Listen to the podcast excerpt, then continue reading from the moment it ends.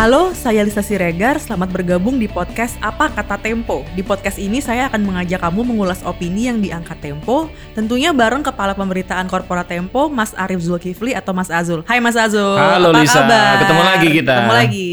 Jadi di episode perdana ini, perdana yang full length ya, kita akan mendalami opini Tempo yang berjudul Lubang-Lubang Anggaran DKI. Seru nih. Asik. Eh, Mas Azul, kemarin opini ini sudah mendapatkan respon dari Pak Gubernur. Iya, rame jadi tuh rame kayaknya. banget di, di sosmed ya. Gimana tuh Mas? Ini ramenya gara-gara Mas Azul nge-reply kayaknya. Iya, iya. Jadi gini, kan kalau kita bikin investigasi atau bikin tulisan Iya. itu satu prinsip penting dalam dunia jurnalistik adalah harus cover both side. Iya. gitu. Jadi si orang yang dituduhkan itu diberi hak untuk bicara. Iya. Nah, Pak Gubernur Anies Baswedan itu uh, bicara Hmm. ya secara proporsional. Lalu kemudian berbeda dengan mungkin uh, politisi lain, Pak Anies tuh berusaha tampil simpatik Iya. gitu dengan mengatakan bahwa uh, terima kasih pada Tempo yang sudah uh, menulis tentang saya termasuk dengan kartun dan sebagainya. Iya. Tentu saja sebagai uh, sopan santun di Iya. media sosial Komentarnya soal cover menarik saya ya, Mas. harus jawab gitu kan. Jadi saya bilang bahwa sama-sama Pak Gub baru rupanya itu kemudian ditafsirkan macam-macam. Netizen itu kan asik ya. Dia nggak baca, dia nggak merasa penting untuk tahu apa Iya. detailnya tapi yang penting komen aja dulu gitu. Wah, dan, Mas dan itu Azul bagian pakai- dari seru. Mas Azul pakai emoji nih ke Pak Anies. Jangan-jangan temenan apa gimana Iya, nih gitu. Iya itu. Jadi jadi Rame jadi ya, rame. Tapi jadi memang betul ya. Iya. Dalam hal kisruh anggaran DKI yang rame belakangan ini memang antara politik sama peristiwanya sendiri itu udah nyampur gitu. Jadi orang tuh nggak bisa lagi jernih gitu. Nah, Betul. Tempo mengangkat ini terutama untuk menjernihkan, memastikan apa yang terjadi terus kemudian menjernihkan kepada publik gitu ya. Ya. Bahwa ini loh yang sebenarnya mesti kita lihat, ini yang mesti kita kritik dan sebagainya gitu. Oke, sebelum kita bahas soal kisru rencana anggaran DKI Jakarta ini, mungkin saya akan jelasin dulu sedikit kronologinya nih Mas. Dimulai dari apa sih sebenarnya kejadian ini gitu. Jadi kalau kita balik ke akhir bulan lalu, Oktober 2019, ada anggota DPRD dari PSI yang namanya William Aditya. Eh, William ini mengunggah screenshot perencana anggaran DKI. Tentunya ada eh, item yang menarik perhatian warganet nih. Jadi ini ada anggaran pembelian lem Aibon untuk siswa sekolah dasar sebesar 82 miliar rupiah. Gede Iya, banget. Iya, gede banget. Gede banget untuk beli lem Aibon. Tuh ada yang sempat ngukur kalau segini banyak buat beli lem Aibon tuh bisa kelilingin Monas empat kali iya. katanya. Mau ngelem apa sih? Iya. 82 miliar gitu. Eh, nah dari sini mulai nih kehebohan anggaran dimulai. Jadi setelah lem Aibon eh, trending di media sosial, lalu eh, mulai nongol tuh kejanggalan-kejanggalan lain ya Mas Azul ya. Jadi dari Iya. Imam Hadiah dari fraksi PDIP mengungkap soal ini nih pasir 52 miliar. Ya. Dan ini yang fantastis nih, pulpen 663 miliar. Iya, iya. Gila banget, Gila, bisa gede banget. itu. Eh, ini masuk ke biaya operasional pendidikan SMP dan SMK. Jadi mungkin biar pada rajin nyatet Mas Hmm. Azul gitu. Eh, lalu ada politikus Gerindra, eh, Syarif juga nyorot soal anggaran penataan RW di kawasan kumuh yang totalnya mencapai 43,8 miliar. Nah ini kan rame-rame gini, eh, lalu ada dua pejabat DKI yang mengundurkan diri. Yang pertama Kepala Bapeda Sri Mahendra, lalu ada Kadis Pariwisata dan Kebudayaan Edi Junaidi.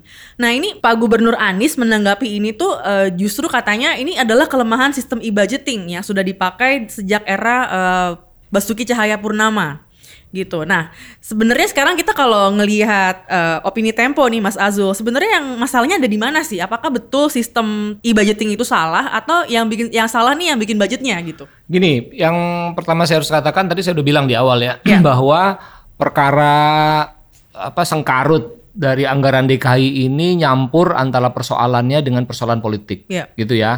Jadi eh, entah kenapa ini orang kita tuh cepet banget mikirnya pemilu baru selesai sudah berpikir 2024, gitu. Jadi ada persoalan pembenci Anies, ada persoalan penyuka Anies Ya. mau jadi presiden dan sebagainya. Dan itu bercampur aduk dengan perkaranya. Padahal perkaranya ini sangat penting untuk dibahas secara terpisah dengan jernih dan clear gitu ya. Ya. Satu yang mesti saya katakan adalah bahwa ini eh, sengkarut atau ini skandal dalam penyusunan anggaran. Karena dia penyusunan anggaran, jadi anggaran itu belum turun.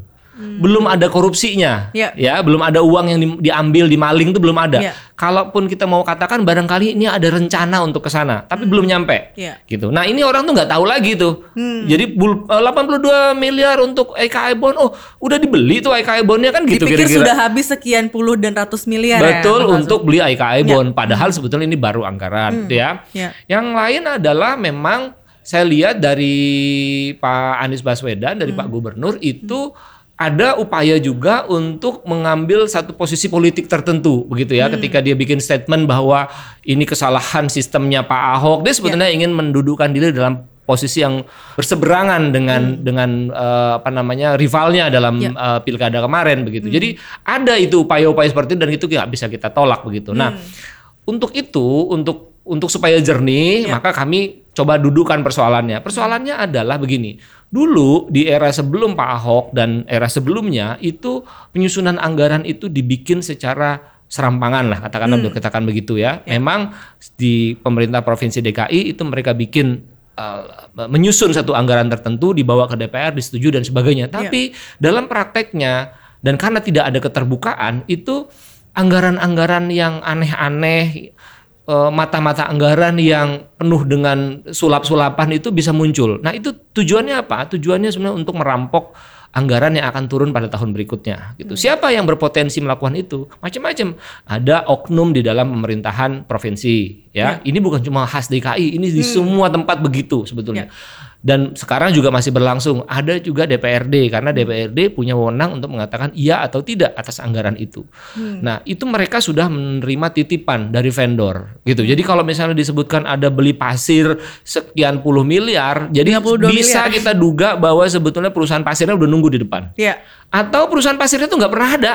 Ini omong kosong aja gitu. Dia pas, masak-pasak Hmm. Taruh aja taruh dulu. aja di situ nanti ditaruh di mana. Ingat dulu UPS ya Iya, di zamannya Pak Ahok ya. Iya. Eh, apa UPS nih? Uninterrupted power supply. Iya, Jadi untuk gantiin listrik kalau mati lampu. Ya, itu Kira-kira. besarnya 330 miliar. Itu zamannya dulu tuh Iya. gitu. Kita kan telusurin tuh. Iya. Ternyata perusahaan yang disebut sebagai vendor itu nggak jelas alamatnya gitu. Hmm. Ya, bukan nggak eh, kadang-kadang bukan kantor dan sebagainya. Artinya itu abal-abal. Hmm. Nah, oleh Pak Ahok dan Pak Jokowi di Iya. awal dulu waktu Pak Jokowi masih jadi gubernur itu Hmm. kemudian dibikinkan satu sistem. Nah, sistemnya itu meniru dari sistem yang dibikin Bu Risma di Surabaya sebagai wali kota dia punya sistemnya. Bahkan konsultannya pun dibawa gitu ya.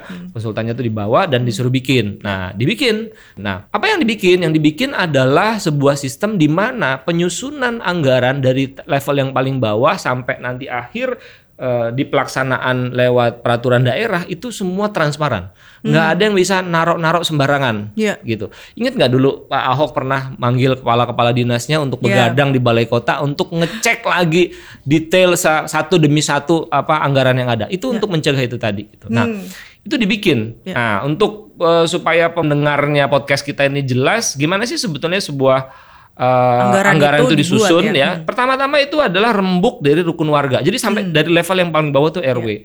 Lalu kemudian dibawa ke dalam apa yang sudah sering kita kenal sebagai musrembang, musyawarah perencanaan pembangunan. Ya ini dari kelurahan terus sampai ke provinsi. Jadi bertingkat gitu. Ya. Jadi ide, kuah ide ini bagus banget. Ya. Jadi dari bawah. Bottom orang, up ya, Bottom up. ya. Orang tuh ditanya, kamu tuh butuh apa sih Hmm. untuk tahun depan gitu? Oh, Ya. saya perlu jembatan karena udah nggak bisa lewat sungainya kena banjir. Kira-kira gitu. Jadi semua dari bawah. Nah, Hmm. dari situ kemudian setelah musrembang dibawa ke eh, peraturan eh, keluarnya penerbitan peraturan gubernur tentang rencana kerja pemerintah daerah ya, RKPD.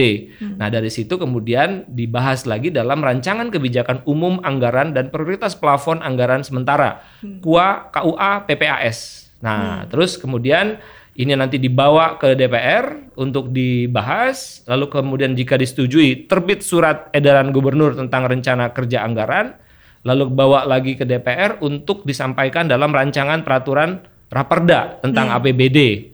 Nah, kalau disetujui di level akhir maka keluarlah aturan eh, Raperda, rancangan peraturan daerah dan peraturan daerah menjadi eksekusi. Jadi panjang banget. Nah, di dalam sistem yang dibikin oleh eh, di eranya Pak Jokowi itu dibuka semua.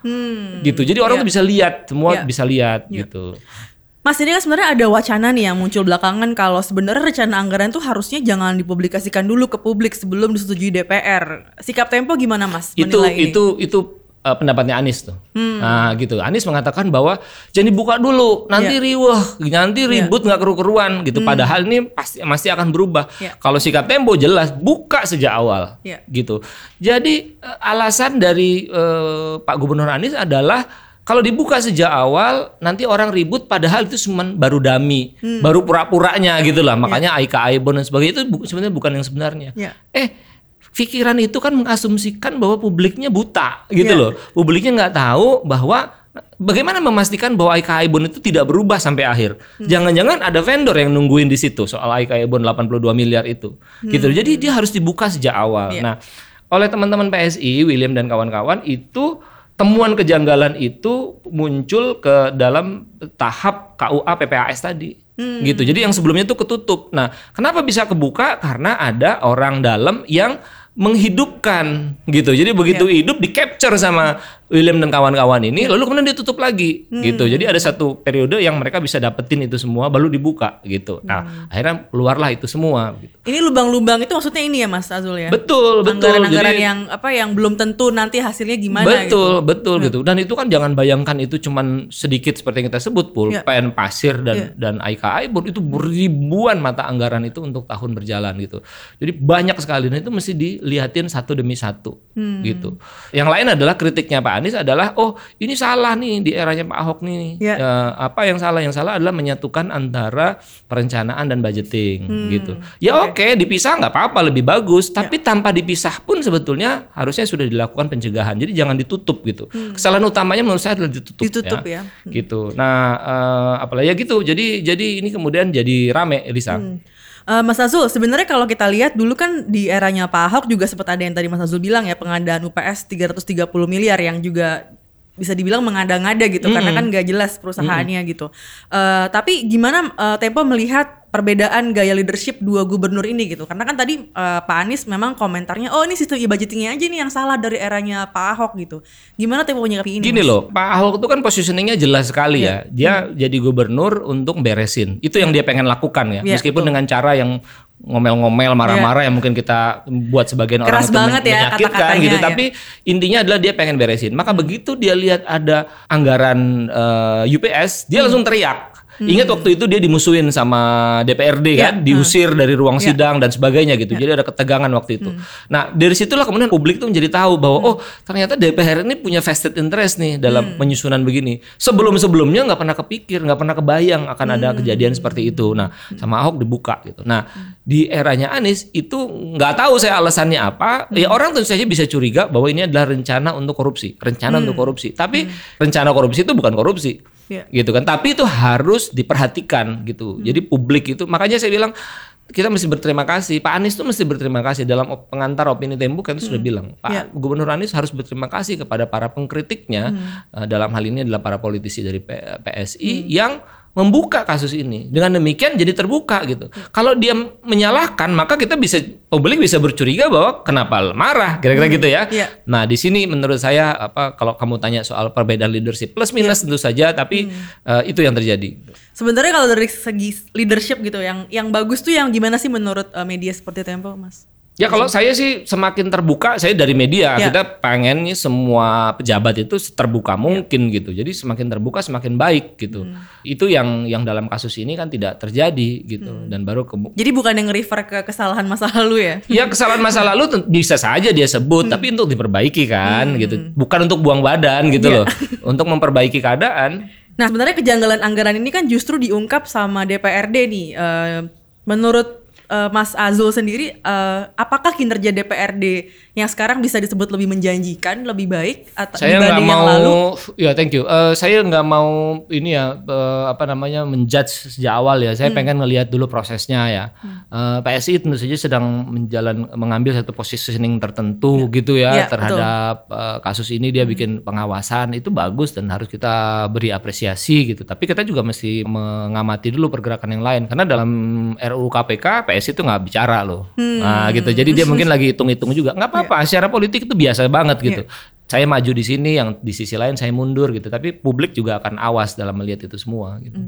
Mas setelah berhasil mengungkap eh, kejanggalan anggaran ini kan William malah dilaporkan ke Badan Kehormatan DPRD. Gimana Tempo melihat kejadian ini? Ya itu yang harusnya tidak terjadi. Itu yang sangat kita sayangkan. Orang-orang kayak William, yang anak-anak muda kayak begini, yang masih punya idealisme, ya mestinya itu dipelihara dan dijaga gitu eh, supaya nggak tercemar oleh politik eh, parlemen yang umumnya kita ketahui gitu. Jadi menurut saya kalau William dan kawan-kawan dilaporkan ke Badan Kehormatan ya itu kan upaya eh, pihak-pihak tertentu untuk mengeksklud gitu ya mengeluarkan orang-orang yang berpotensi mengganggu apa namanya kestabilan eh, orang-orang yang mungkin kepengen atau punya vested interest dalam penyusunan anggaran gitu. Dan sekali lagi menurut saya kalau mau bagus tuh Pak Anies justru merangkul orang-orang kayak gini gitu. Jadi nggak cuma simpatik sama opini Tempo doang ya Mas? Ya oh, eh, simpatik sama opini Tempo tuh ya oke-oke aja Iya, gitu kan. Kan sebetulnya dia dengan bersimpati kan dia ingin mengatakan bahwa saya bersahabat terhadap pers. Iya. Yang sebelah sana tidak bersahabat. Iya, kan dia iya, mau iya, mengatakan iya. itu Iya, kan. betul, betul. Sehingga orang-orang dari kubu sebelah sana, para pendukungnya, para buzzer, para netizen eh, mengambil posisi oh ya berarti ini ada kong kali kong kan gitu kan Iya. yang kan jadi di twist lagi gitu. Ya. Sosmed kita kan ya begitu gitu levelnya sampai situ. Tapi nggak apa-apa menurut saya bagus prosesnya diikutin aja. Yang penting menurut saya media kayak Tempo itu tugasnya adalah menjernihkan apa yang berkabut dan apa yang butek gitu.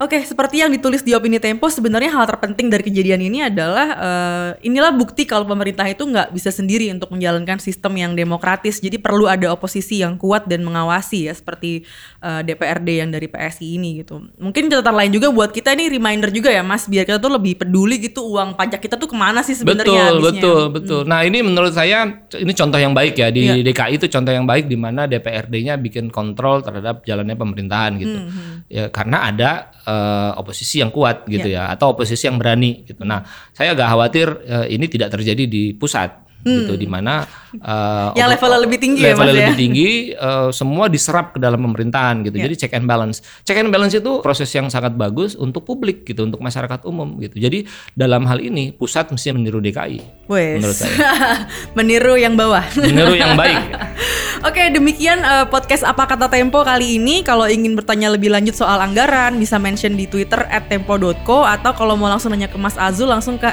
@arifz underscore tempo pakai hashtag Apa Kata Tempo. Ikuti terus Apa Kata Tempo tiap Kamis lewat podcast.tempo.co atau di platform streaming favorit kamu di Spotify, Google Podcast, Apple Podcast, dan lain-lainnya. Sampai jumpa minggu depan, Mas Azul. dadah